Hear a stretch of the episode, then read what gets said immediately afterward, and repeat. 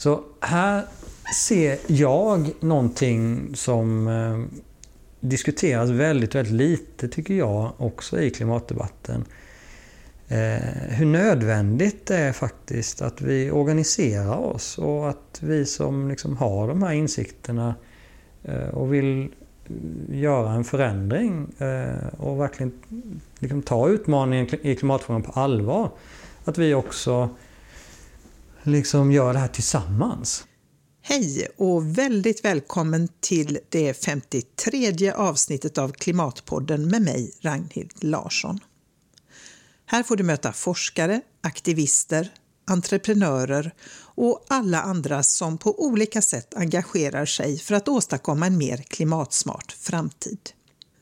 Dagens gäst är Martin Hultman, docent i teknik, vetenskaps och miljöstudier vid Institutionen för teknikens ekonomi och organisation på Chalmers.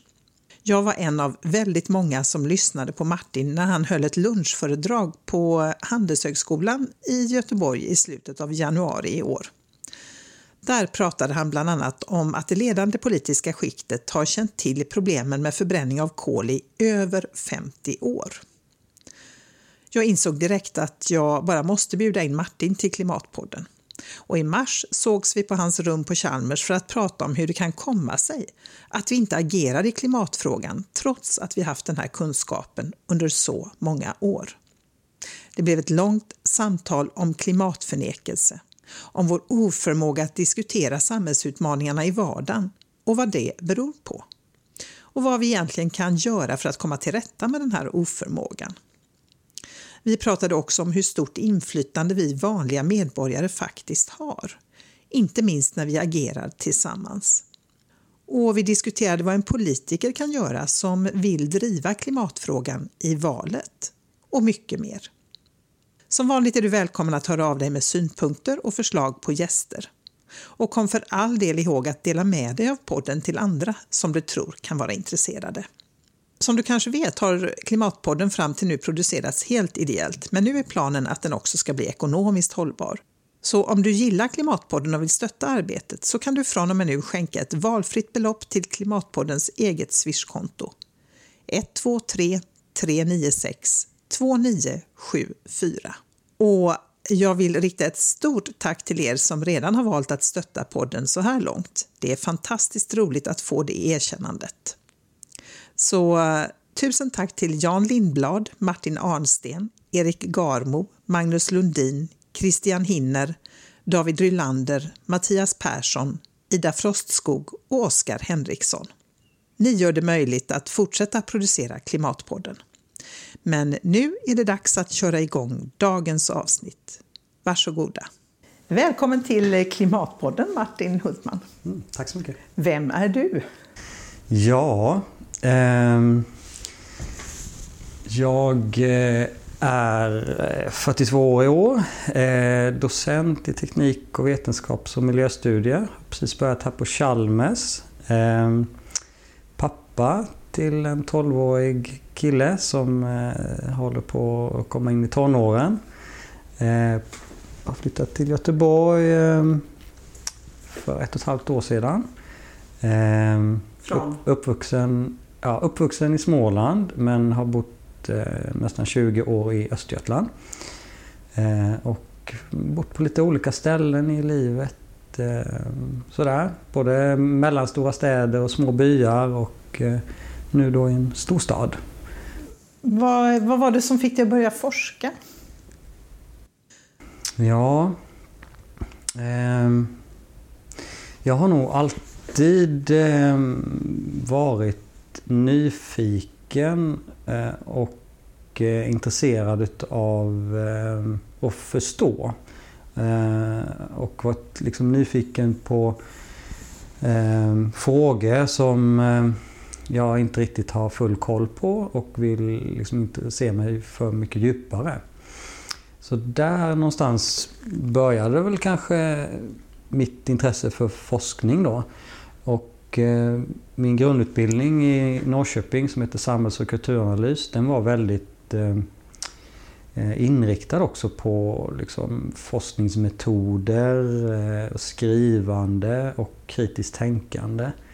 Eh, så jag fick väl med mig från grundutbildningen ett förhållningssätt där till liksom, världen och kunskap och utbildning och sådär som, som jag sen liksom har fördjupat och förfinat inom när jag har forskat. Så. Mm. Och, och, hur väcktes ditt engagemang i klimatfrågan? Um, man kan väl säga att alltså min, min bakgrund är ju att liksom tillsammans med mamma och pappa och mina föräldrar så eh, de, tog ut mig, de hade med mig väldigt mycket ut i skogen och det var väldigt mycket så här eh, bo i den lilla sommarstugan och ut och fiska och plocka svamp. Och vi orienterade mycket och sådär när jag var liten. Ehm, så på något sätt där har väl ett intresse för och en, en självklarhet av att vara i naturen och, och känslor för det, där har det kommit. Ehm, men sen under min tidiga utbildningstid och på universitetet och sådär så, så så var jag mer intresserad av ojämlikhet och sociala rörelser och social förändring kan man säga, maktfråga. maktfrågor. Eh, jag skrev min magisteruppsats om eh, händelserna i, här i Göteborg under EU-toppmötet och eh, beskrivningarna av aktivister respektive polisen och hur liksom de här händelserna skildrades i massmedia och så. Ehm, så det var inte alls självklart att jag skulle komma in på miljöfrågor och så i min forskning. Men sen blev jag antagen i en forskarskola som eh, hette Program Energisystem. Och eh, där samarbetade jag med ingenjörer och naturvetare om energifrågor. Ehm, och där någonstans så väcktes intresset också liksom för klimatfrågan eftersom att energifrågor och energiteknik eh, och energiresurser hänger så tydligt ihop med klimatfrågan. Det är ju där allting börjar på något sätt. Då. Men i min avhandling så studerade jag svensk energi och miljöpolitik från 78 till 2005. Och det var först eh, lite på slutet där som jag blev intresserad mycket för klimatfrågan. Eh, eftersom att den teknik som jag studerade som heter vätgas och bränsleceller det beskrevs som en teknik som skulle lösa klimatfrågan storskaligt. Eh, I USA så eh, under George Bush presidenttid så lanserade han vad han kallar för vätgasekonomi.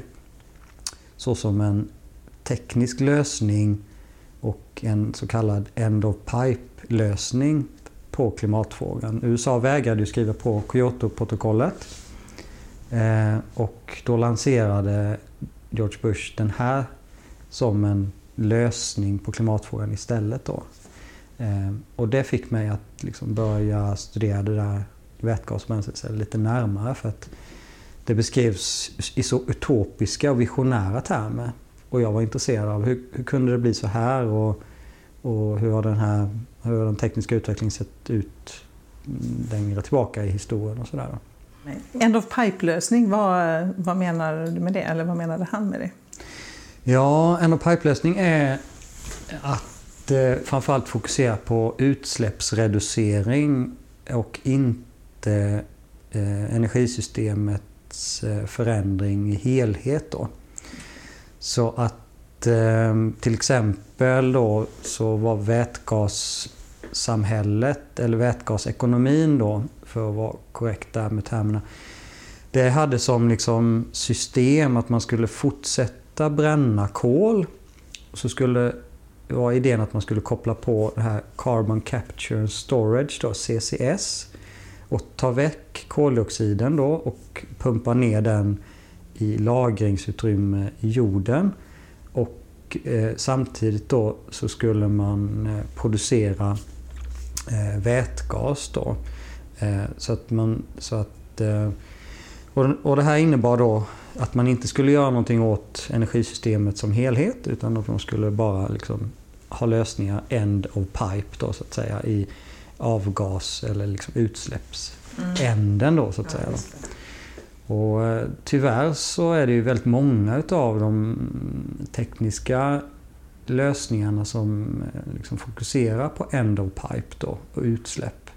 Medans eh, eh, jag tänker ju och, och mina analyser visar ju på att, när, att vi behöver liksom förändra energisystemet mer i grunden då så att säga. Energikällorna också. För att vi ska kunna hantera klimatfrågan. Mm. Men jag ska komma till och säga att alltså mitt verkligt stora intresse för klimatfrågan det kom ju då när jag skrev en bok tillsammans med Jonas Ansen som handlade om klimatdebatten från och med 2006 till 2009. Och den boken heter då Discourses of Global Climate Change. Och eh, där försökte vi eh, kartlägga helt enkelt hur debatten eh, ser ut. Vad det finns för politiska positioner i klimatdebatten. Kopplat till lösningar, kopplat till problembeskrivning, kopplat till liksom tekniska eh, tankegångar och idéer men också ekonomiska styrmedel och liksom så. Så där väckte, väcktes väl mitt riktigt stora intresse för klimatfrågan när jag liksom fick syn på hur olika aktörer eh, liksom närmade sig den här frågan och också vilka olika sorters lösningar som föreslogs. Då. Eh, mm. Och det var 2013, 2014 som vi, vi skrev den där boken. Och vad, vad, såg ni hände under den här eh, tiden ni tittade på detta? Vi studerade ju 2006 till 2009 då. Och det var ju den här perioden eh, där eh, först Al Gores första film eh, om den obekväma sanningen kom då. Eh, IPCCs eh, fjärde rapport, tror jag om jag inte minns fel, eh, kom ju då också. Eh, och sen kom Nicholas Sterns, eh, nationalekonomens rapport, rapport eh, om att det skulle bli dyrare att hantera klimatfrågan eh, ju längre vi väntar med att agera. Alla de tre tillsammans med eh, miljörörelsernas eh, liksom, eh, konstanta liksom, press och mm, ja, försök att lyfta upp den här frågan. Eh, det sammantaget gjorde ju att klimatfrågan eh, kom väldigt centralt in i, även i den svenska debatten. Då. Ett tydligt exempel på det är ju att eh, eh Moderaterna som ju vann valet då 2006 eh, i sin regeringsförklaring eh, knappast eh, sa ett ord om klimatet. Inte heller var klimatet en diskussionsfråga i Almedalen speciellt mycket 2006. Men 2007 så eh, under ett års tid där så svängde debatten fullständigt och eh, eh till och med Fredrik Reinfeldt pratade om klimatet som en eh, utmaning för mänskligheten i Almedalen. Eh, och alla de politiska partierna var liksom tvunget att verkligen eh, ta klimatfrågan på allvar så som en samhällsutmaning. Eh, och det, den svängningen skedde då under det här året ungefär. Så där startar vi vår undersökning och sen så följer vi då fram till och med Köpenhamnsmötet eh, då 2009. Ehm, och under hela den här perioden så, så är klimatfrågan eh, den allra viktigaste eh, energi och miljöfrågan och en utav de allra viktigaste politiska frågorna också. Ehm, det här samspelar ju med ehm, den här bank krisen då ehm, och det samspelar också med när ehm, huspriserna då, ehm, eller husmarknaden kollapsade i USA. Samspelar också med eh, en, en gigantisk, eller en väldigt stor prisökning för eh, baslivsmedel i världen. Eh, och att människor inte, ja, en del människor kunde inte liksom få tag på, på baslivsmedel. Så det är flera andra saker som pågår här samtidigt. Då. Men eh, klimatfrågan var ändå en av de centrala politiska frågorna den här perioden då, mm. kan vi se. Mm. Ehm, och hur, hur kom den här, hur blev den där då kan man Ja, fråga sig. precis. Eh, det är en viktig fråga för att eh, eh, det finns en berättelse inom den politiska sfären och inom klimatforskningen som jag vänder mig väldigt mycket emot och det är den här berättelsen om att eh, vi får inte prata om de allvarliga konsekvenserna av klimatförändringarna för det skrämmer upp så människor så mycket och gör dem passiva. Det här stämmer inte historiskt. Vi ser att eh, i slutet av 80-talet, när klimatfrågan först kom på den politiska agendan, då var det väldigt många som engagerade sig. Ehm, Och i föredraget som du var på så visade jag ju att det också Gösta, ehm, eller eh, de moderat, Gunnar Hökmark, eh, Moderaternas företrädare, liksom skrev på DN Debatt om de här frågorna 1989. Ja, det låter ju helt ofattbart nu. Ja, det, det, det, det kan verkligen tyckas det. Men då var ju verkligen då var frågan också i politiska centrumet och en fråga som alla liksom var överens om att man måste göra någonting åt. Liksom. Så att, ja, Gunnar Hökmark verkligen kunde skriva att det här är en utmaning för, för liksom hela världen. Så, 1989 då. Eh, så att människor engagerade sig då och tog den till sig. Likadant då den här perioden som vi studerar från 2006 till 2009 då. Då kom det liksom ny kunskap och, och den, den här eh, filmen och, och eh, människor blev engagerade igen, startade upp nya organisationer, skickade in eh, namninsamlingar. Eh, Aftonbladet hade en namninsamling där nästan 100 000 människor skrev under att man skulle ha en, en radikala eller en klimatpolitik som följde vetenskapen. Eh, och de politiska partierna som sagt var tvungna också att agera ut, utifrån klimatfrågan. Eh, så, så det är en ganska märklig berättelse tycker jag eh, som finns om att eh, människor liksom inte klarar av den här kunskapen. Det har visat sig genom historien att jo, det gör människor verkligen och människor agerar faktiskt utifrån den kunskapen när man får den till sig. Då. Sen är det ju ett problem då att inte de politiska besluten hänger med.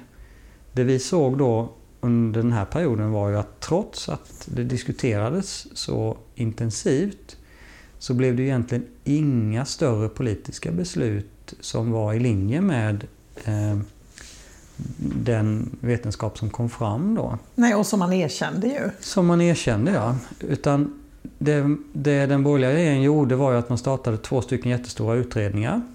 Eh, Sverige 2050 till exempel där Johan, eh, eh, Johan Rockström var medlem och som han sen hoppade av för han tyckte att det var alldeles för mesiga beslut man kom till där. Eh, och en annan utredning.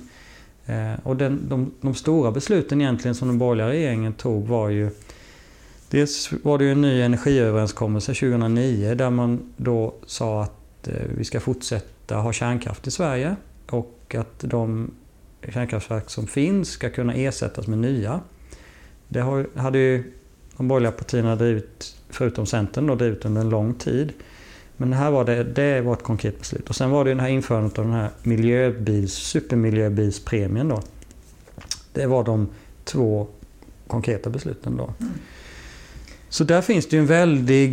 eh, Det, det finns en väldig diskrepans mellan hur allvarligt frågan diskuterades under den här perioden och hur oerhört små förändringar i de politiska besluten som, som, som skedde. Då. Ja, och det har ju hänt väldigt lite. Jag menar, sen dess. Verkligen. Så varför är det så? Varför agerar vi inte då på den här kunskapen? Varför fattar politikerna så mesiga beslut?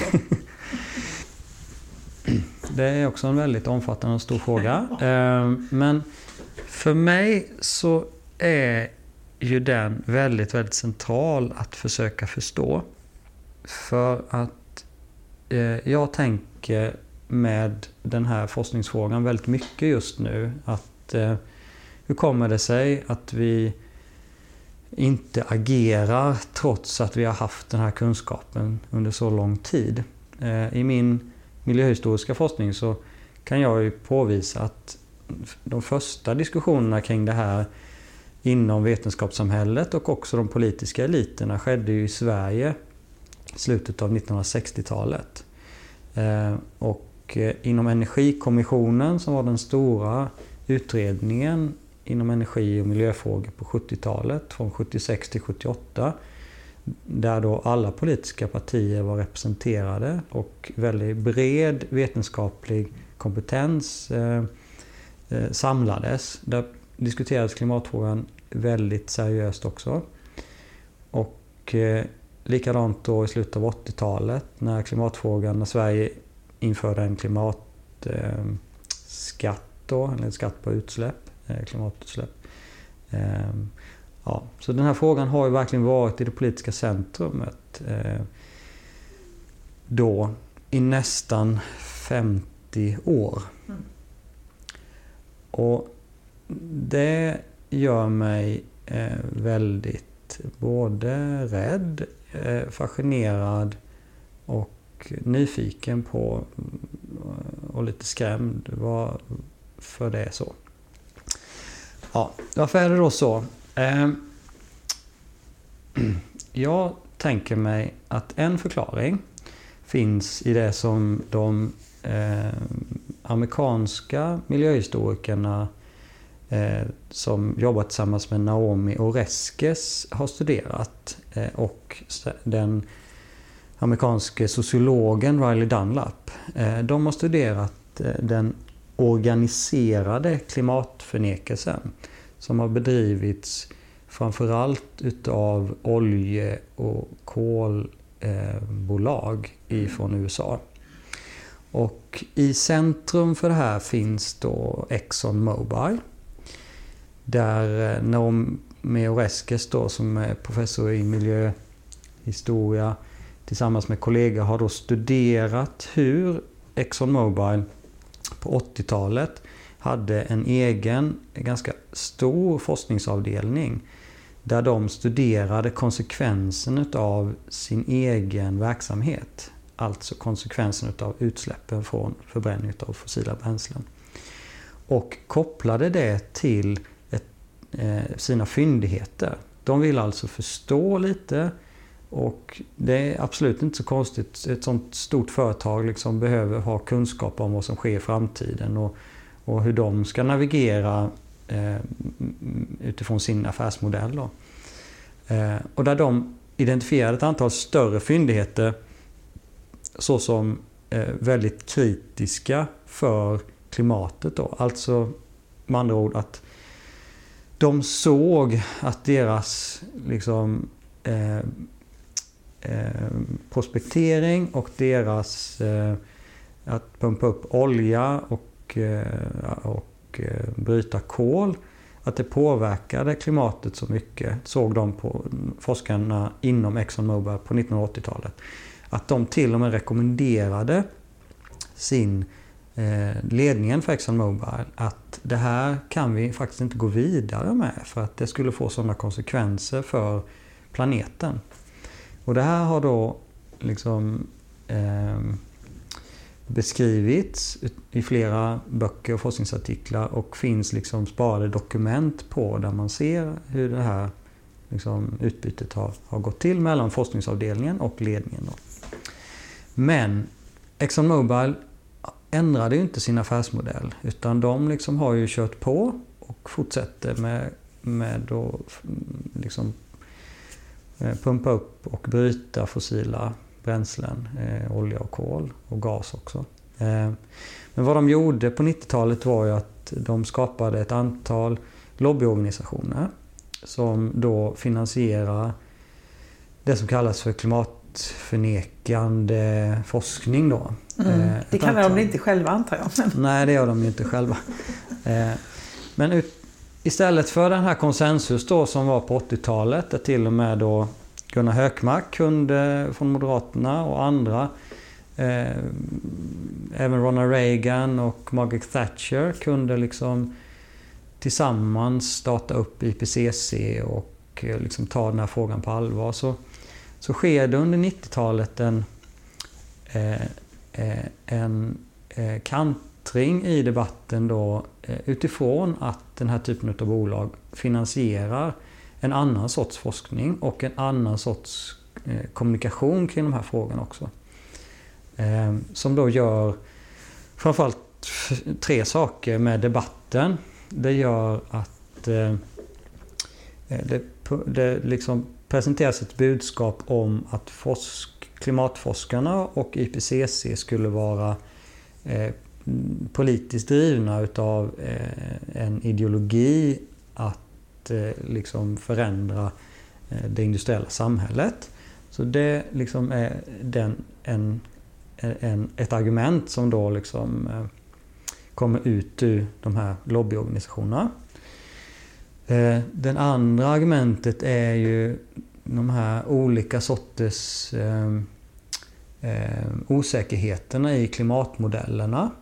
Ehm, eh, och eh, det här med solinstrålningen och, och hur den reflekteras. Ehm, och eh, en, en, diskussion kring det här var var börjar klimatmodellerna? Vilka, vilket år börjar de? Och vad har man för bassiffror eh, och så då?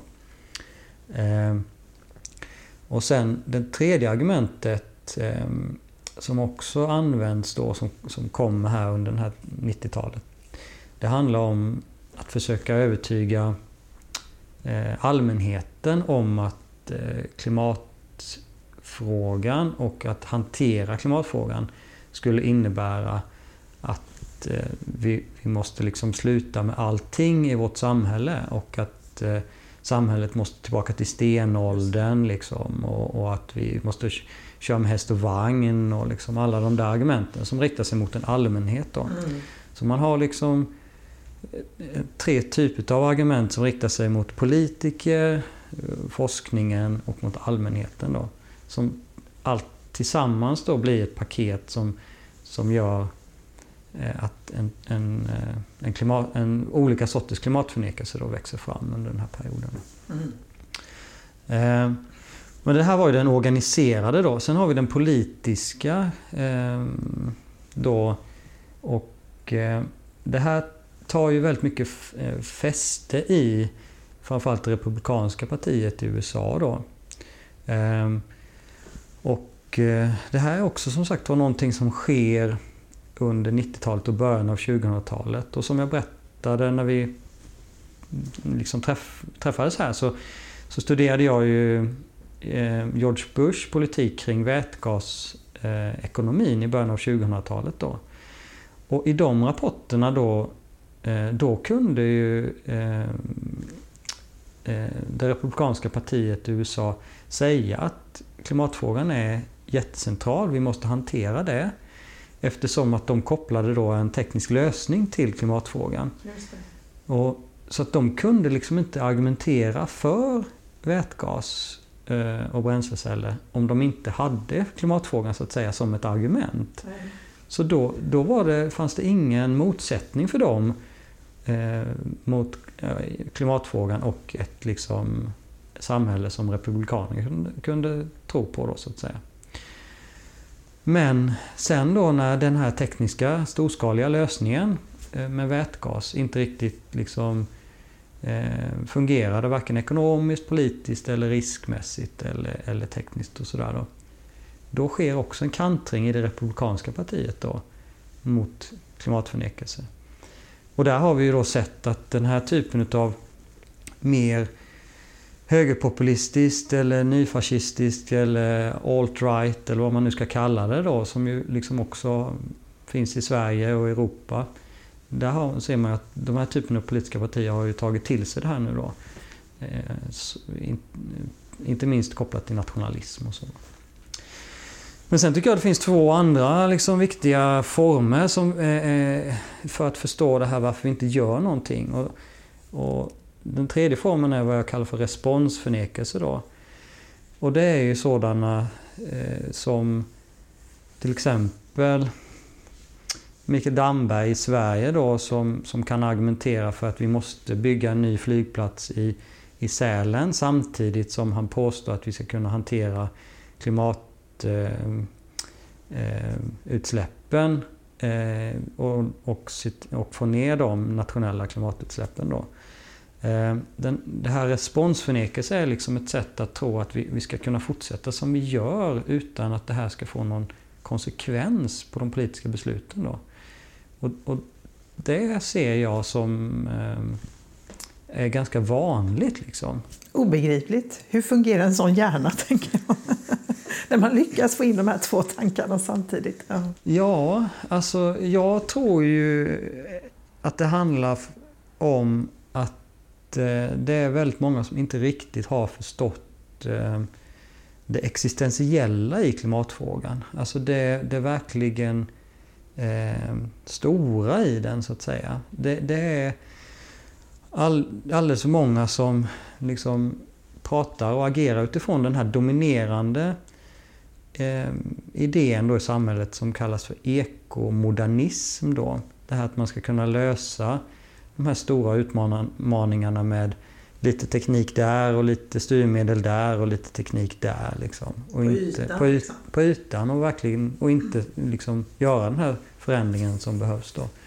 Och där, där, där tror jag att eh, det inte helt enkelt eh, har, att många beslutsfattare inte riktigt har, har liksom kommit till djupet utav klimatfrågan. Så att säga då, eh, utan eh, tänker sig att den här ekomodernismen ska kunna liksom fungera. Och de här end of pipe-lösningarna. Så när det, när det i själva verket är en så pass mycket mer existentiell fråga för, för liksom, inte minst vi i de rika länderna som orsakar det här. Liksom.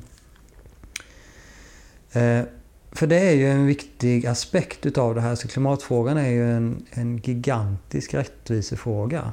Eh, det är ju en rättvisefråga liksom som har sitt ursprung i liksom kolonialismen och liksom den, den tidiga utnyttjandet utav naturresurser och mänskliga resurser utav eh, Europa och det som idag kallas för det globala nord. Liksom. Ehm, Andreas Malm, om du inte har fått tillfälle att intervjua honom så är han ju en intressant person och har ju skrivit liksom, de stora verken kring det här. Liksom, där, man, där han verkligen för, för samman den förståelsen utav eh, liksom de, de väldigt långa linjerna i den, orätt, den globala orättvisan med eh, klimatfrågan. Då. Ehm, och här är det väldigt det, det är svåra insikter eh, och, och det är svårt att komma till freds med och riktigt, riktigt förstå att vi i Sverige inte är det där, den där förebilden liksom. Som vi tenderar till att presentera oss som inom miljö och klimatfrågan. Och inom de flesta områden tycker vi att vi är väldigt bra. Det är ju så. Och, och, och det är klart att eh, inom no vissa områden kanske vi gör bra saker och så. Men det...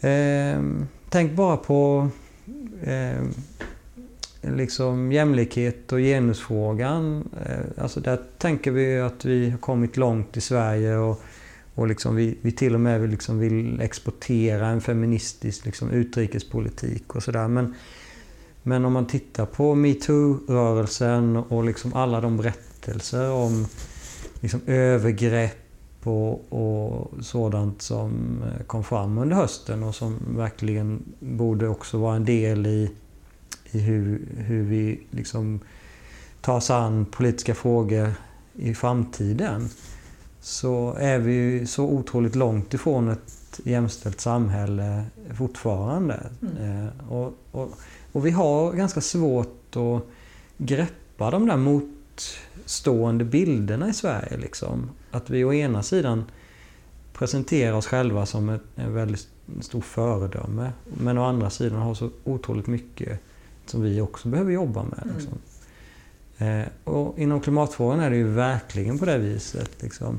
Och det är ganska märkligt att se hur ett parti som Miljöpartiet då, som 2006 till 2009 när vi studerade klimatdebatten, var väldigt, väldigt, väldigt i grunden kritisk mot den här bilden som, av Sverige som presenterades av att vi skulle vara ett föredöme. När vi har liksom i genomsnitt runt 10-11 ton utsläpp per person och vi gör åt ungefär fyra planeter per person i resurser. Då. Miljö, de miljöpartistiska liksom företrädarna de, de var jättekritiska mot att Sverige var ett föredöme. Nu i regeringsställning så hör vi de miljöpartistiska eh, företrädarna prata vitt och brett om hur sådant föredöme Sverige är. Det är väldigt märkligt för mig som forskare som ser det här i en, i en, i en historisk kontext. Att man då kan prata om samma land eh, och, och samma, samma sätt att presentera Sverige. För tio år sedan väldigt kritisk och idag så, så har man släppt den kritiken helt. Och så mycket har liksom inte hänt? Det är inte ah, så nej, att... det, det, är ju egentligen så liksom att vi de senaste åren har vi ökat våra utsläpp eh, och eh, de svenska utsläppen. Eh, och vi, vi står ju inte närmare någon lösning på trafik, på transportproblemen eller liksom utsläppen från flyg eller utsläppen från vår, vår konsumtion än vi gjorde tio år sedan. Liksom. Så att, nej, ja, för mig är det ett tecken på att Miljöpartiet har anpassat sig efter den dominerande ekomodernistiska liksom, ideologin istället för att fortsätta vara det här Miljöpartiet som, liksom, som eh, ville ha förändring och ville ha en, ett samhälle faktiskt i, i samklang med klimatvetenskap och, eh, eh och natur. Mm.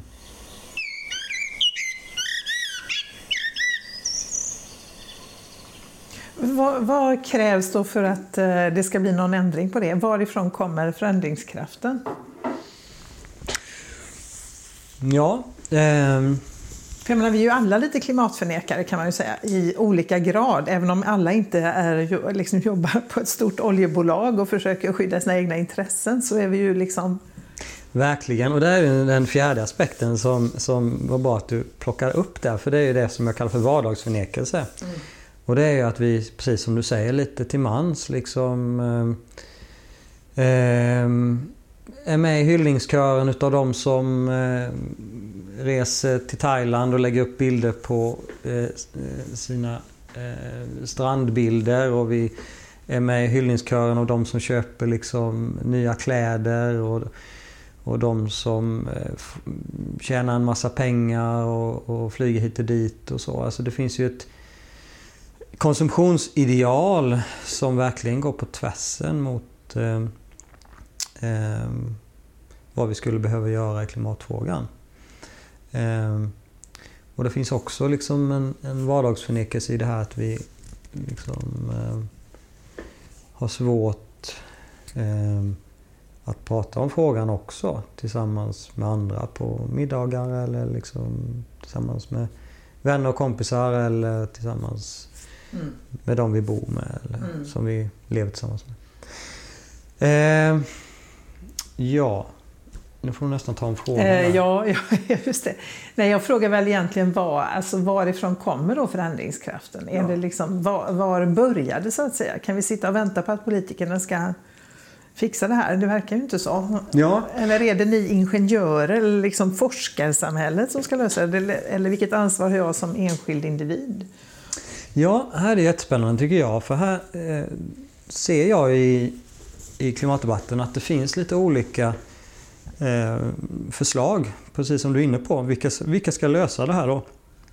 Eh, och helt klart är det ju så, tänker jag, att eh, de som har ledande positioner i vårt samhälle och faktiskt har lite mer inflytande än andra. De skulle ju verkligen behöva eh, se till att deras insikter om klimatfrågan skulle liksom översättas till beslut som faktiskt går i linje med eh, den utmaning vi står inför. Så onekligen så tycker jag att eh, våra politiker har ett väldigt stort ansvar för den här frågan. Men också andra människor inte minst i ledande positioner som företagsledare eller liksom ledare för institutioner eller så. Eh, men eh, den historiska forskningen som jag har bedrivit visar ju på att det här är ju faktiskt inte en progressiv grupp eh, utan det ledarskiktet i samhället och samhällen generellt tenderar ju till att vara konservativa i den meningen att eh, de lever och tar beslut inom en struktur som har en historia och som oftast också har en tydlig riktning så att säga. Så att det är väldigt det är inte så lätt heller att komma in som beslutsfattare och i ledande position och ta de där besluten som en kanske vill och, och kanske är övertygad måste tas. För att du är begränsad utav massa olika restriktioner också. Som så att säga i det här fallet har en helt annan riktning än den som skulle behövas för att vi skulle ta klimatfrågan på allvar. Mm. Och där så kommer det ju andra grupper i samhället in då som, som kan vara med och påverka. Forskare är ju en grupp eh, och jag eh, tycker ju att eh, jag är en forskare som tycker det är väldigt viktigt eh, att kommunicera forskning och kunna diskutera forskning eh, med eh, människor i gemene man på ett sätt som är förståeligt och som människor kan ta till sig och som människor också kan tycka någonting om. Mm. Det tycker jag är liksom en av grundgrejerna för mig som forskare. Att Eh, jag ska kunna förklara min forskning för vem som helst. Och vem som helst ska också kunna, med hjälp av min förklaring, kunna ha någon egen tanke kring det. Mm. För det är först då också, tycker jag, som man som forskare faktiskt är grundad i det man gör. Eh, om vi bara liksom befinner oss med ett språk som vi förstår inom liksom vår grupp eh, och, och, som vi tycker liksom säger någonting om det vi studerar men som ingen annan förstår, då tycker jag att vi har misslyckats. Mm. Eh, och jag tycker också att det, det, är vårt ansvar, den här tredje uppgiften som universiteten har, eh, att just liksom eh, prata och vara med i sam, samtals, samhällsdebatten. Tycker du att ni allmänt är för dåliga på det? Nu är du ett exempel på att du faktiskt du gör ju detta, du är ute och pratar och så. Men tycker du allmänt, om du ska generalisera, eller vara lite generell så att säga? Ja, alltså dels är det ju någonting som även om eh, det är inskrivet som en uppgift för ja. forskare, är inte någonting som egentligen ger speciellt eh, stor meritering. Och sällan tid eller resurser heller. Verkligen, mm. så är det. Kommunikatörerna på universiteten är ju jätteintresserade utav att liksom eh, jobba med de här frågorna och med forskare. Men, men eh, ibland så, så jobbar de lite i ett tomrum sådär. Att det är ganska få forskare som har tid eller kraft eller ork eller sådär som, som vill det då. Mm. Eh, sen tänk, tycker jag väl också att eh, Eh, det, det, kanske inte finns tillräckligt med bra mötesplatser eh, där som de här samtalen liksom ja, Där man möts in real life, liksom, på riktigt. Ja. Inte bara via en skärm eller ett enkelriktat budskap. Ja men verkligen. Och eh, jag eh, är ganska mycket för det här med att forskare kan skriva egna krönikor också i tidningar till exempel. Att tidningar upplåter liksom ett, ett mindre utrymme för, för forskare att breda ut sig. Att det inte behöver bara vara journalister som intervjuar och sen skriver utan forskare som kan skriva lite själva också. Mm. Jag är väldigt mycket för också att man, att man har liksom mer samtalsinriktade eh, dialoger liksom i samhället och sådär. Ja, ja. Och det, det märker jag faktiskt är mycket bättre här i Göteborg jämfört med Linköping. I Linköping har det funnits väldigt, väldigt lite utav det. Eh, och här är det mycket bättre. Det var också mycket bättre i Umeå där jag var. Där, där fanns det de här liksom samtals... Eh, för mm. forskning och, och populärvetenskap. Mm. Så att jag, jag, ser fram emot att liksom eh, vara med lite i Göteborg här. För att jag, jag upplever att det finns många, eller det finns en hel del sådana sådana utrymmen här. Och det finns ju ett stort intresse. På den här föreläsningen du höll på Handels nu i slutet av januari var det ju knökfullt. De fick stå utanför och liksom säga till folk tyvärr, det är fullt, det är fullt. Ja, det var ju rätt häftigt faktiskt. Det var den absolut mest populära föreläsningen de någonsin hade haft där. Och precis som du säger, alltså tio minuter innan så, så, så kunde de ju inte släppa in fler och det var ju jättemånga som som sa till mig efteråt att de inte kunde komma in och sådär. Så, det var ju, ja, det, det, så det finns ju ett jättestort intresse. Ja. Så det är ju... Men det där är ju intressant också tycker jag, för det finns ju ett stort intresse, det är ganska uppenbart tycker jag, ja. bland många människor och i olika grad och så. Men, men samtidigt så kan eh, Agenda ordna en partiledardebatt där klimatfrågan inte kommer upp överhuvudtaget för att man säger att nej, det vi har mm. bedömt att intresset är inte så stort mm. eller mm. folk tycker inte detta är så viktigt. Mm. Dels tar man ju inte något journalistiskt ansvar tycker jag då och sen stämmer det ju inte riktigt med verkligheten. Nej, verkligen inte. Nej, det är märkligt. Det har ju, nu har ju klimatfrågan i de här Zoom-institutets utfrågningar väl hamnat lite längre ner då. Jag tror den är på femte eller sjätte plats då. Men de senaste tio åren så har den ju legat på liksom topp tre i alla de här undersökningarna. Mm. Där man undersöker vilken politisk fråga tycker du är liksom viktigast och sådär. Mm. Den är ju topp ett av, av eh, de som är mellan eh, ungdomar mellan 15 och 25 eh, såg jag. Så den är fortfarande jätteviktig.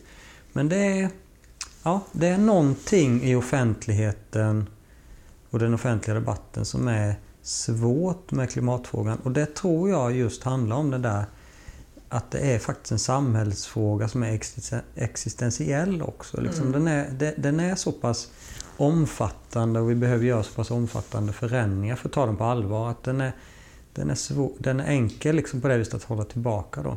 Och nu så är det ju, eller har det inte heller varit något politiskt parti som har som tydligt drivit den heller då när Miljöpartiet har, har backat lite från det. Då. Mm. Men återkommer till, nu har vi pratat om ledare, deras ansvar, eh, forskare som kanske behöver vara lite mer liksom med i samhällsdiskussionen och samhällsdebatten. Eh, och sen så eh, tänker jag att institutioner har ett Eh, liksom kan göra intressanta saker. Ja, vilka institutioner tänker du på då? Ja, museer till exempel. Nu ska ju Världskultur, Världskulturmuseet ha en väldigt spännande utställning som håller på att förbereda nu då, som ska börja 2019. Som just ska plocka in klimat och miljöfrågan i centrum. Det tycker jag är, det är väldigt relevant och viktigt. Jag var och pratade på Röda Sten. De hade ju ett tema om antropocen. Rimmade, ja. Förra, för, för, förra hösten. Eh, där konst och, och liksom eh, artister också liksom plockade upp den här frågan. Historiskt så ser jag ju att eh, konstnärer och liksom te, eh, artister, liksom skådespelare och sådant hade ett oerhört stort inflytande i eh, antikärnkraftsrörelsen på 70-talet. Mm. Eh, jag gör en studie nu med i ett arkivmaterial med Birgitta Dahl och Birgitta Hamreus personliga arkiv. Och där så finns det mängder med liksom föreställningar som har det här temat. Och på Dramaten hade man ju liksom föreläsningar med liksom professorer och skådespelare och man satte upp liksom pjäser och sånger och liksom. Alltså, och där tror jag liksom det, det finns någonting liksom i eh, att klimatfrågan också måste bli en kulturfråga så att säga. Det måste, det måste engagera människor på ett eh, djupare plan. Liksom. Mm. Och det gjorde verkligen miljörörelsen och inte minst antikärnkraftsrörelsen då på ja, som ju inte var bara en anti-kärnkraftsrörelse utan det var ju verkligen liksom ja, som den kända liksom, slagorden heter liksom Vad ska ut, vad ska bort Bassebäck och, och vad ska in sol och vind liksom. Eh, vad ska väck Just det, och vad ska in sol och vind? också. Det rimmade också. Ja. eh, och det var ju liksom också en idé om ett annat samhälle liksom. Mm. Och eh, ja, där, där tror jag också liksom den typen av institutioner och sammanhang har ett liksom, eh, där finns det stor möjlighet att lyfta upp de här frågorna. Eh, och som kan göra att frågorna kan diskuteras och, och på ett annat sätt än bara så som en vetenskaplig fråga. Liksom. Mm. Och sen den, den fjärde gruppen är ju fram, inte minst liksom alla oss medborgare i framförallt när vi organiserar oss. Um, här finns ju en, den stora potentialen som jag ser det. Och det bygger jag ju på de historiska studier som, har, som jag och andra har gjort utav miljöfrågorna och, eh, och energifrågorna och klimatfrågorna. Alltså det är ju som sagt var eh, Vi hade ju haft liksom en 40 kärnkraftverk i Sverige om inte människor hade engagerat sig så kraftfullt under 70-talet. Mm. Eh, det var ju liksom vi var, vi, det var en jättetydlig konsensus bland alla de politiska partierna inom, innan 1971 om att kärnkraften den hade inga risker. Den, den liksom hade, vi kunde ha, det fanns hur mycket uran som helst och eh, det, det, det liksom eh, var en teknik som skulle bli jätte, jättebillig. Eh, det var i princip inga kostnader. Det fanns till och med ett talesätt som, som löd “too cheap to meter”. Alltså att kärnkraften skulle bli alldeles för billig att ens liksom eh, med, äh, ta ut någon avgift för den. Liksom. Och, och, så var ju liksom ideologin kring det här på sex, slutet av 60-talet och början av 70-talet fram till 1971. Då. Eh, och då var det ju en liksom folklig mobilisering kring det här. Det, det skedde ju Eh, mass, eh, en mängd eh, studiecirklar runt om i hela Sverige kring energifrågan. Eh, 74-75.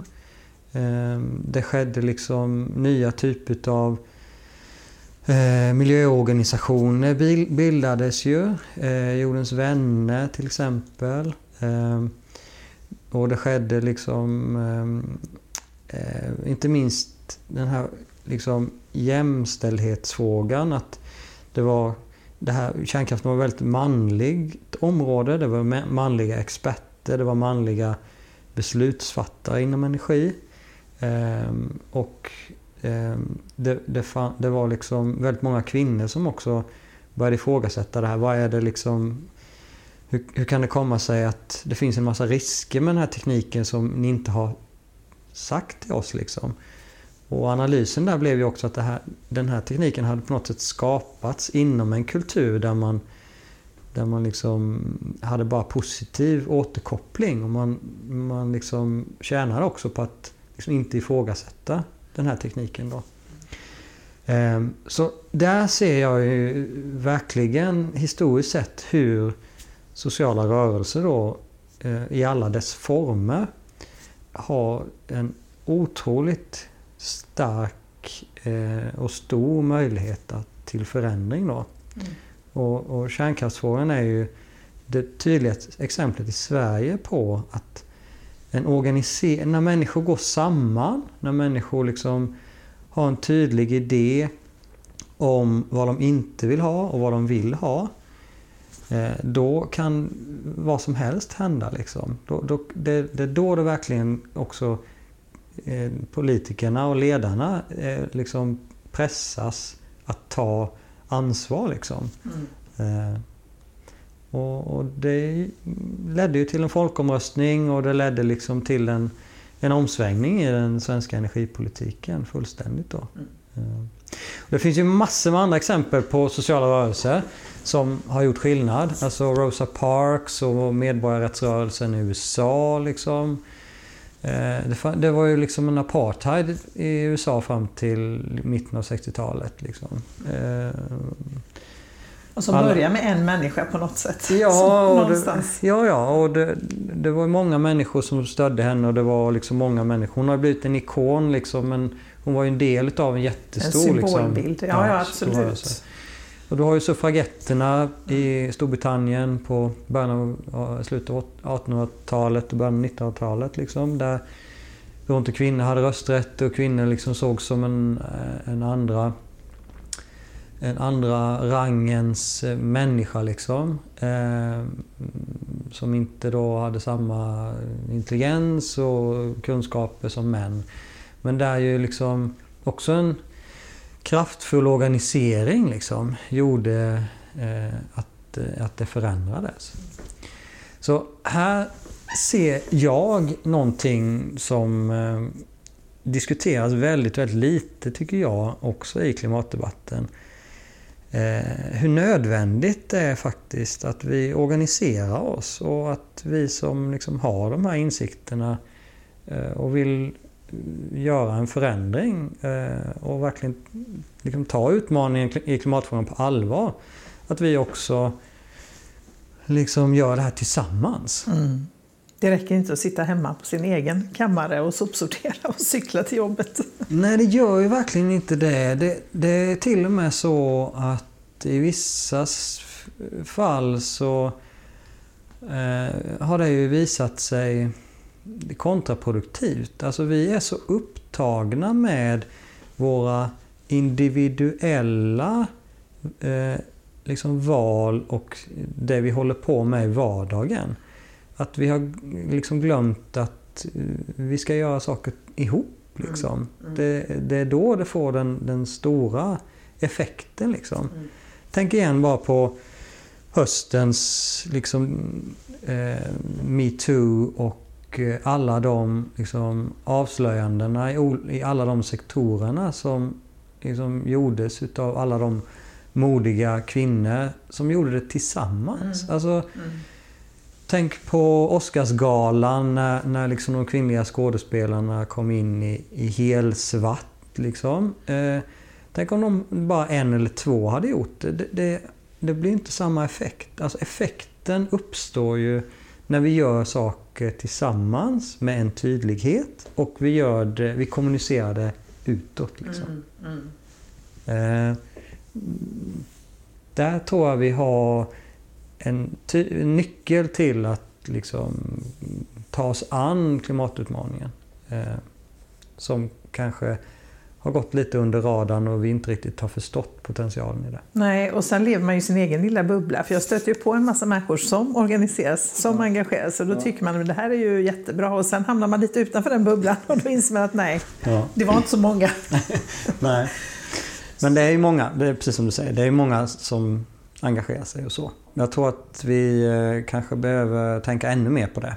Mm. Och vi behöver prata mer om det. Vi behöver eh, liksom lyfta fram det som en eh, tydlig strategi och inte bara tänka på styrmedel och ny teknik och liksom så.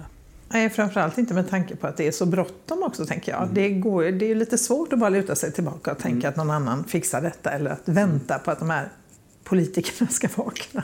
Nej, och den insikten har precis det klimatpolitiska rådet också kommit till i sin första rapport. Vilket är ju intressant. De säger att eh, egentligen så är det andra aspekter utav klimatfrågan, inte de vetenskapliga, som vi behöver mm, förstå mer och eh, tänka mer kring. Och eh, liksom fundera på djupet hur, de, hur vi ska ta hand om dem.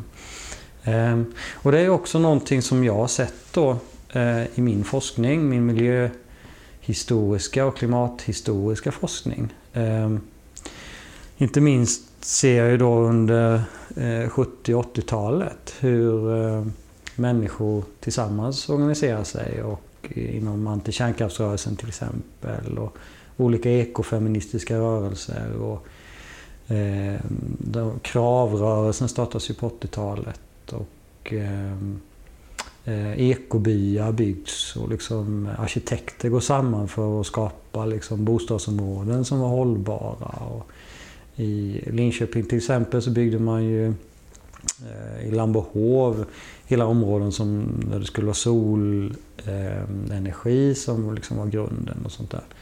Eh, så där liksom skapades ett otroligt eh, tryck från en väldigt stor opinion och det är också då Miljöpartiet skapas. Och Vänsterpartiet och Centerpartiet har ju liksom en otroligt mycket mer omställningspolitik då än vad det är nu. Och verkligen där det fanns liksom de här tankarna i grund, att i grunden ställa om samhället. Så då. Och det kom ju också in då i det här eh, sammanlagda energi och miljödepartementet som Socialdemokraterna startade och Birgitta Dahl ledde. Då.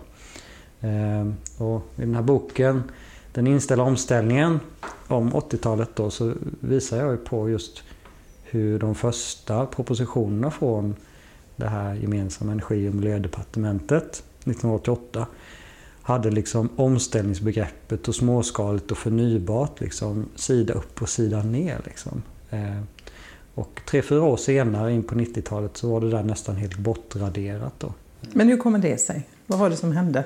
Ja, det är ganska tydligt att eh, omställningsrörelsen på 80-talet utmanar ju vad jag kallar för en industrimodern eh, gäng av aktörer. Då. Eh, och då, de här industrimoderna aktörerna handlar ju om storskalig industri som pappersindustri, gruvindustri, stålindustri. Eh, men också politiska partier då eh, som Moderaterna framförallt då som bar upp den här industrimoderna logiken men också stora delar av Socialdemokraterna. Då. Men här fanns en partipolitisk Eh, stor möjlighet i slutet av 80-talet skulle jag vilja säga. Där då Miljöpartiet hade kommit in, Centern var omställningsinriktade liksom, och Vänsterpartiet hade miljöfrågorna som centrum också. Och dessutom en socialdemokrati där inte minst sidoorganisationerna som eh, Unga Örnar och Broderskapsrörelsen och kvinnorörelsen eh, och SSU låg i framkant när det gällde miljötänkandet.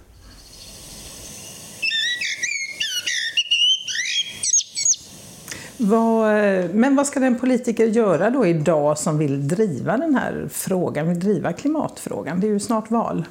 Ja, alltså utifrån mina stora empiriska studier då utav eh, både 80-talets och 70-talets eh, miljö, och energi och klimatpolitik samt den här boken som jag skrev tillsammans med kollegan Jonas Ansel om klimatdebatten 2006-2008 då så skulle jag vilja eh, lyfta fram fyra stycken viktiga punkter för eh, alla människor som är engagerade i de här frågorna men också för politiker som faktiskt vill ta den här frågan på allvar.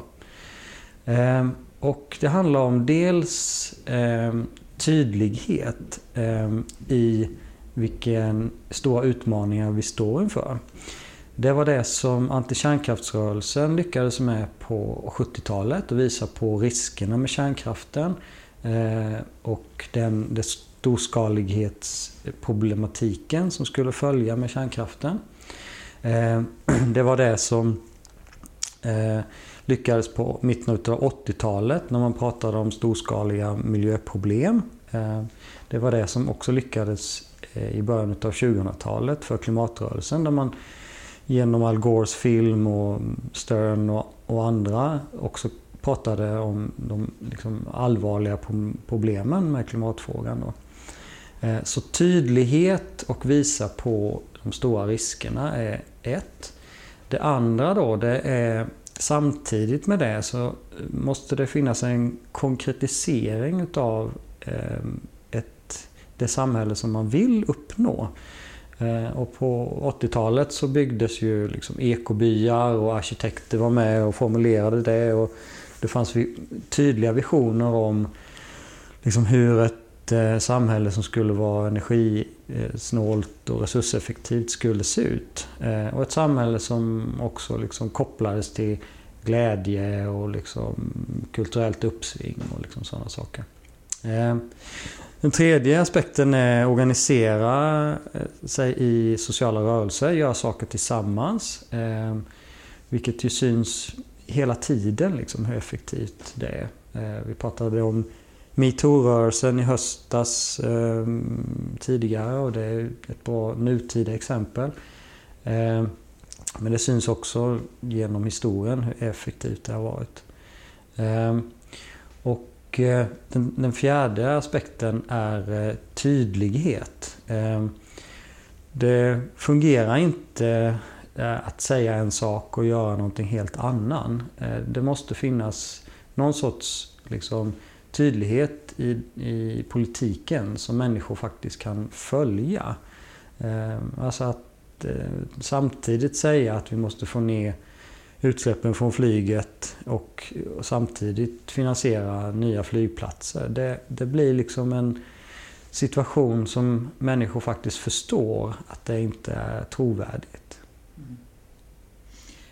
Mm. Men vad ska jag då som enskild göra? Du, du, visar ju här nu då att det är väldigt effektivt att engagera sig. Vad har du för tips till den som lyssnar som känner att nej, men jag vill bli mer aktiv? Jag vill inte bara sitta på min egen kammare och hålla på. Ja, eh, gör saker tillsammans med andra. Det är väl det bästa, eller eh, liksom eh, första tipset tycker jag. Eh, ibland lite eh, liksom undanskuffat eh, råd i alla dessa rådtider. Liksom. Eh, det handlar mycket om så att man ska eh, liksom sop, sopsortera och sådant. Men gör saker tillsammans med andra, organisera dig. Den andra frågan tycker jag handlar om att ta de stora besluten som faktiskt gör skillnad. Eh, till exempel handlar det ju då om eh, resor. Försöka flyga mindre, helst inte flyga alls. Eh, byta till eh, en, en diet som är framförallt växtbaserad men inte minst lokalproducerad. Då funkar det ju med lite kött också. Men liksom verkligen tänk till var maten kommer ifrån.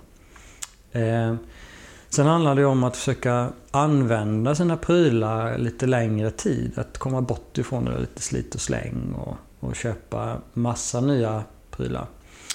Och sen också tycker jag, eh, kanske inte så hemskt mycket diskuterad aspekt heller, men det finns väldigt mycket som vi människor gör som inte alls påfrestar naturen eller, eller så. Alltså samtala med andra människor, liksom dansa, eh, mm, eh, göra teater, eh, liksom, eh, hänga en hel dag på stranden. Eh, eller åka skidor som liksom, nu är det på vintern. Eller gå ut och plocka svamp i skogen och sånt. Alltså det är massor, massor med aktiviteter som eh, vi faktiskt tycker väldigt, väldigt bra om. Eh, och som vi skulle kunna göra mycket, mycket mer om.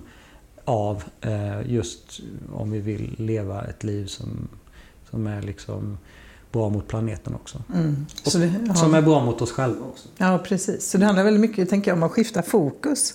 Nej. Att liksom sluta tänka på de här eh, weekendresorna till Paris och London och vad det nu kan vara. Alltså att man kan göra andra saker på den där helgen de ja, har. Ja, men verkligen.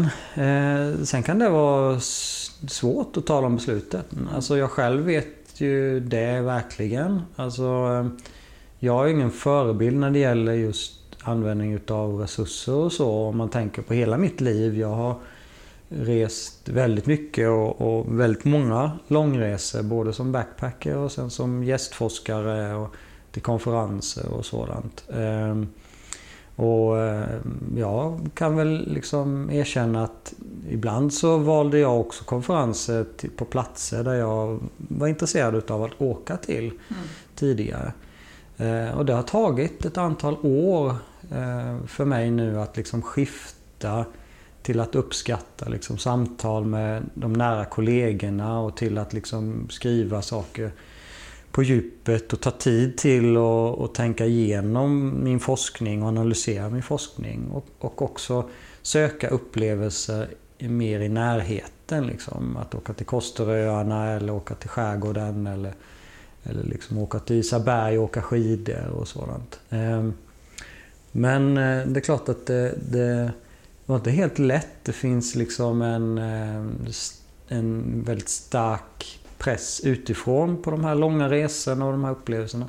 Men också en liksom eh, inifrån längtan eh, till värme och, och liksom eh, det här det enkla livet som också liksom kan, man kan se framför sig i, i de här reseannonserna eller liksom som man själv vill uppleva. Och upplevelser, lära sig nya saker och människor man träffar och sådär. Eh, men man behöver inte sluta resa och sluta uppleva saker och liksom sluta vara nyfiken bara för att man väljer bort liksom, eh, de där långa flygresorna till Thailand eller till weekendresorna till New York. Det finns så himla mycket att uppleva i sin närhet och liksom bara att uppleva, vara nyfiken på en ny stad eller liksom försöka eh, prata med människor på sin egen institution eller i sin egen korridor. Det ger minst lika mycket tillbaka. Liksom. ja, jag tror det var Jörgen Larsson intervjuade som ju tittat på våra flygvanor på Chalmers. Eh, och han, eh, han sa ju det att ofta finns det ett samband mellan människor som är väldigt intresserade av miljön och omvärlden. Mm. Eh, vilket då har lett till att man har rest mycket, därför att man är naturligt nyfiken på omvärlden och rättvisefrågor och allt det här. Mm. kanske. Mm. Så, att, ja, så det är klart att det blir en omställning, det gör det ju. Mm. Men jag tänker ändå just att mycket händer bara man börjar tänka på ett annat sätt. Börjar man tänka på liksom att nej men, jag vill inte flyga, vad är då möjligt? Mm. Och jag kan ta tåget, vart kan jag ta tåget? Mm. Alltså. Mm.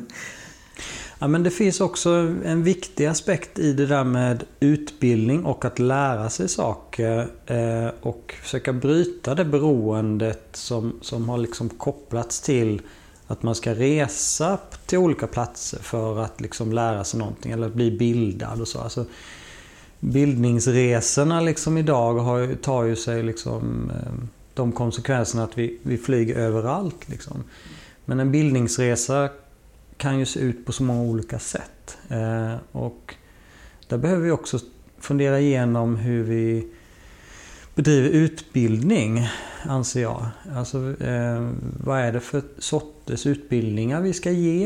Eh, och även internationaliseringen för liksom, högre utbildning och universiteten. Hur, hur ska vi tänka den 10-20 år framöver när vi kan, inte kan ha den tillgången till fossila bränslen som har drivit den här utvecklingen de senaste 50 åren. Liksom där vi bara har expanderat mer och mer. Nu måste vi liksom fundera igenom, kan vi träffas på andra sätt? Går det att liksom upprätta digitala klassrum på andra vis? Och kan vi hitta liksom andra typer av samarbeten med kanske eh, civilsamhället eller det omgivande samhället, på det lokalsamhället i högre grad. Mm. Ehm, så just utbildningsfrågan och internationaliseringsfrågan tror jag är otroligt viktiga frågor just för universiteten framöver. Hur vi ska ja, tänka kring det. Och forskare, jag menar som ja. åker på 51 konferenser om året och ju längre bort desto bättre, eller så. Verkligen. Så att där är ju verkligen en utmaning, tänker jag. Oerhört mycket. Alltså, eh, jag tycker verkligen att eh, forska, om man håller på med energi och miljö och klimatfrågor eller om man håller på med andra frågor så behöver man titta sig i spegeln lite och eh, fundera på om man verkligen behöver åka på alla de konferenser som vi åker på. Mm.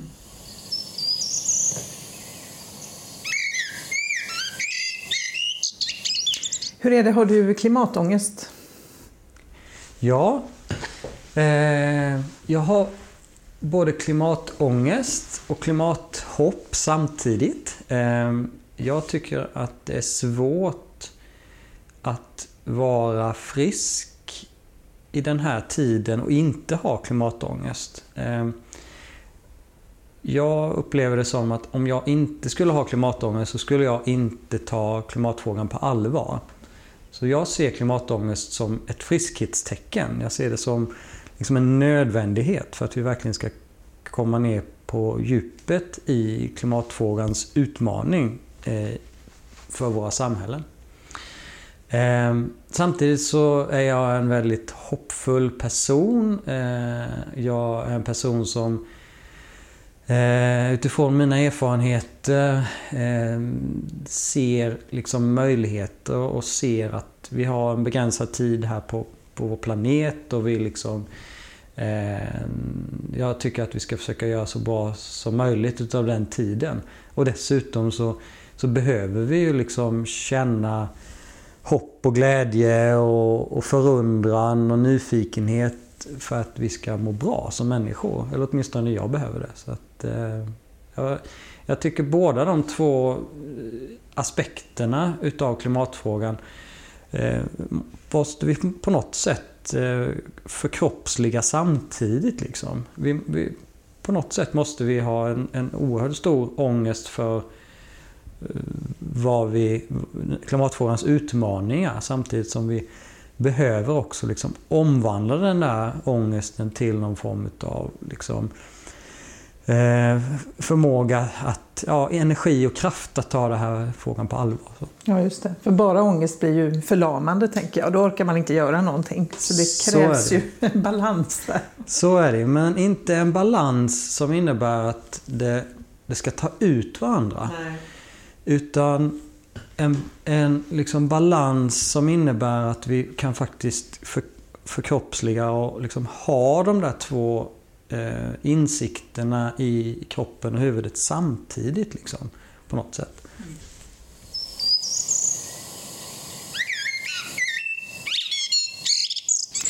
Hur ser din, till sist, din, eh, hur ser din vision ut av ett hållbart samhälle, ett klimatsmart samhälle? Hur föreställer du dig att det ska se ut om du fick bestämma? Mm. Eh, det här tycker jag är väldigt viktigt att liksom ha en tydlig, eller fundering i alla fall, eller idéer om det. Eh, för det första tänker jag mig att eh, vi skulle må mycket bättre som människor generellt om vi försökte ta väck en hel del utav den stress och press som många utav oss lever under idag. Det är många som inte... Det är många som eh, liksom utsätts för press eftersom att man kanske då eh, inte har något arbete eller att eh, man eh, blir utsatt för olika former av våld eller man blir utsatt för diskriminering eller så.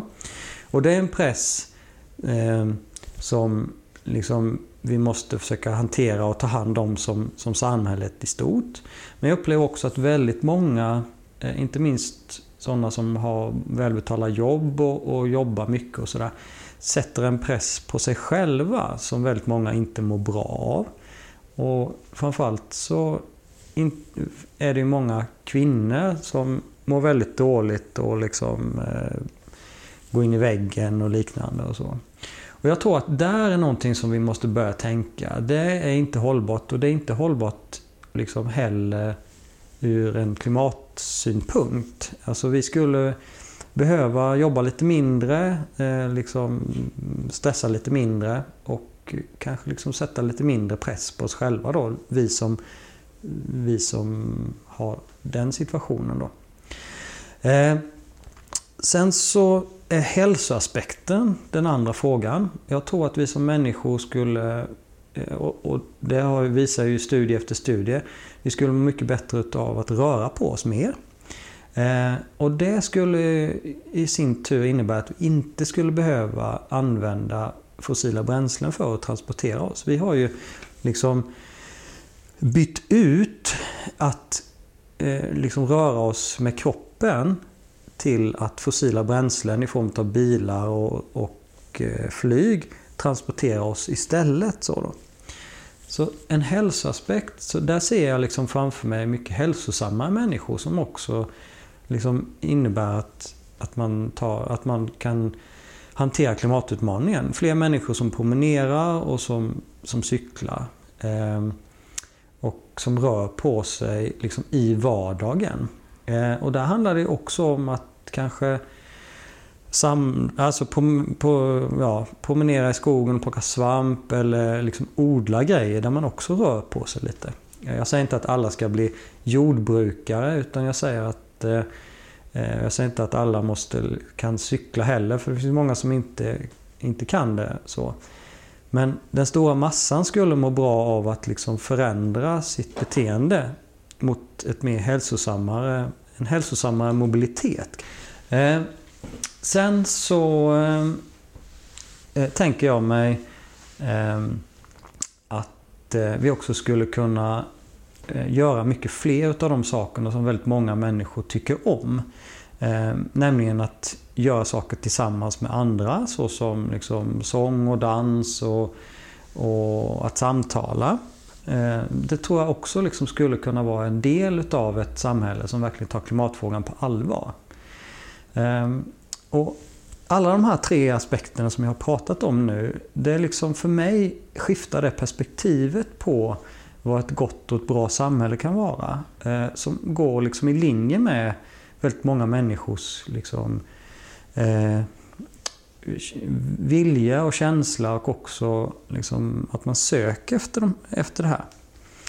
Eh, sen är det onekligen också så att vi skulle behöva förändra hur vi bygger nya hus och bygger ny infrastruktur. Eh, vi skulle behöva bygga lite eh, mycket mindre med cement. Vi skulle behöva bygga mycket mindre med asfalt och liksom den typen av Eh, väldigt resurskrävande och klimatkrävande eh, material. Eh, vi skulle också behöva röra oss mot mer förnybar elektricitet. Eh, men det där vi är ju en fråga som verkar vara väldigt central för många andra i klimatdebatten. Att vi ska liksom hitta förnybar elektricitet istället för kol baserad eller liksom så. Men det där tycker jag får för stor, eh, liksom, för stor roll. Det finns många andra delar av samhället som vi skulle kunna ändra innan vi liksom siktar in oss på det. Då.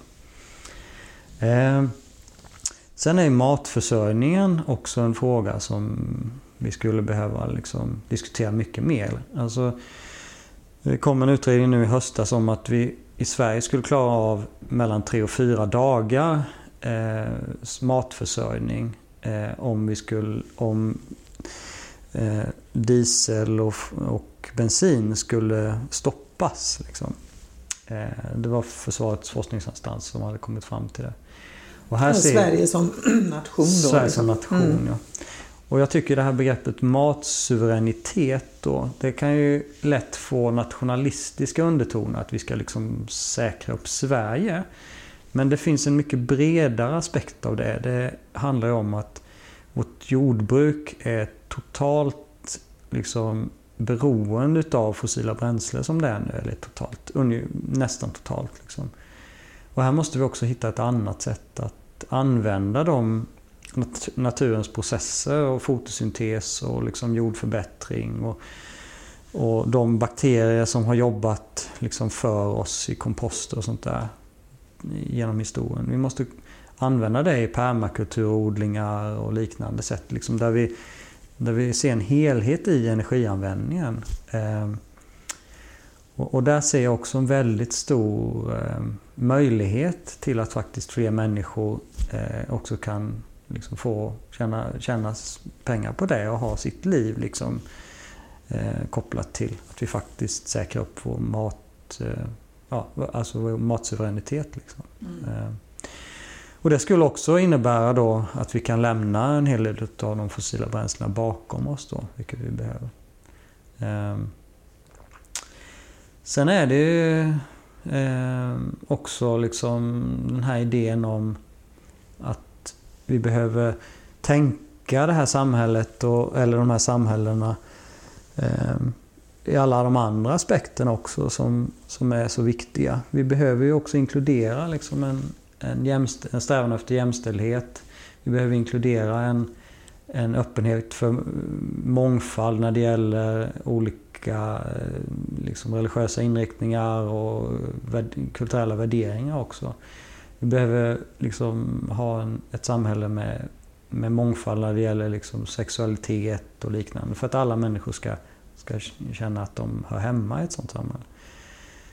Så ja, det, de visionerna och de tankarna har jag kring ett eh, framtida samhälle. Ja, det låter som ett eh, samhälle där man i alla fall vill, gärna skulle vilja leva. tycker jag. Mm. Det skulle jag vilja leva. Tack så jättemycket Martin. Det har varit väldigt spännande att sitta här och prata med dig. Jätteintressant. Så tack. Tack.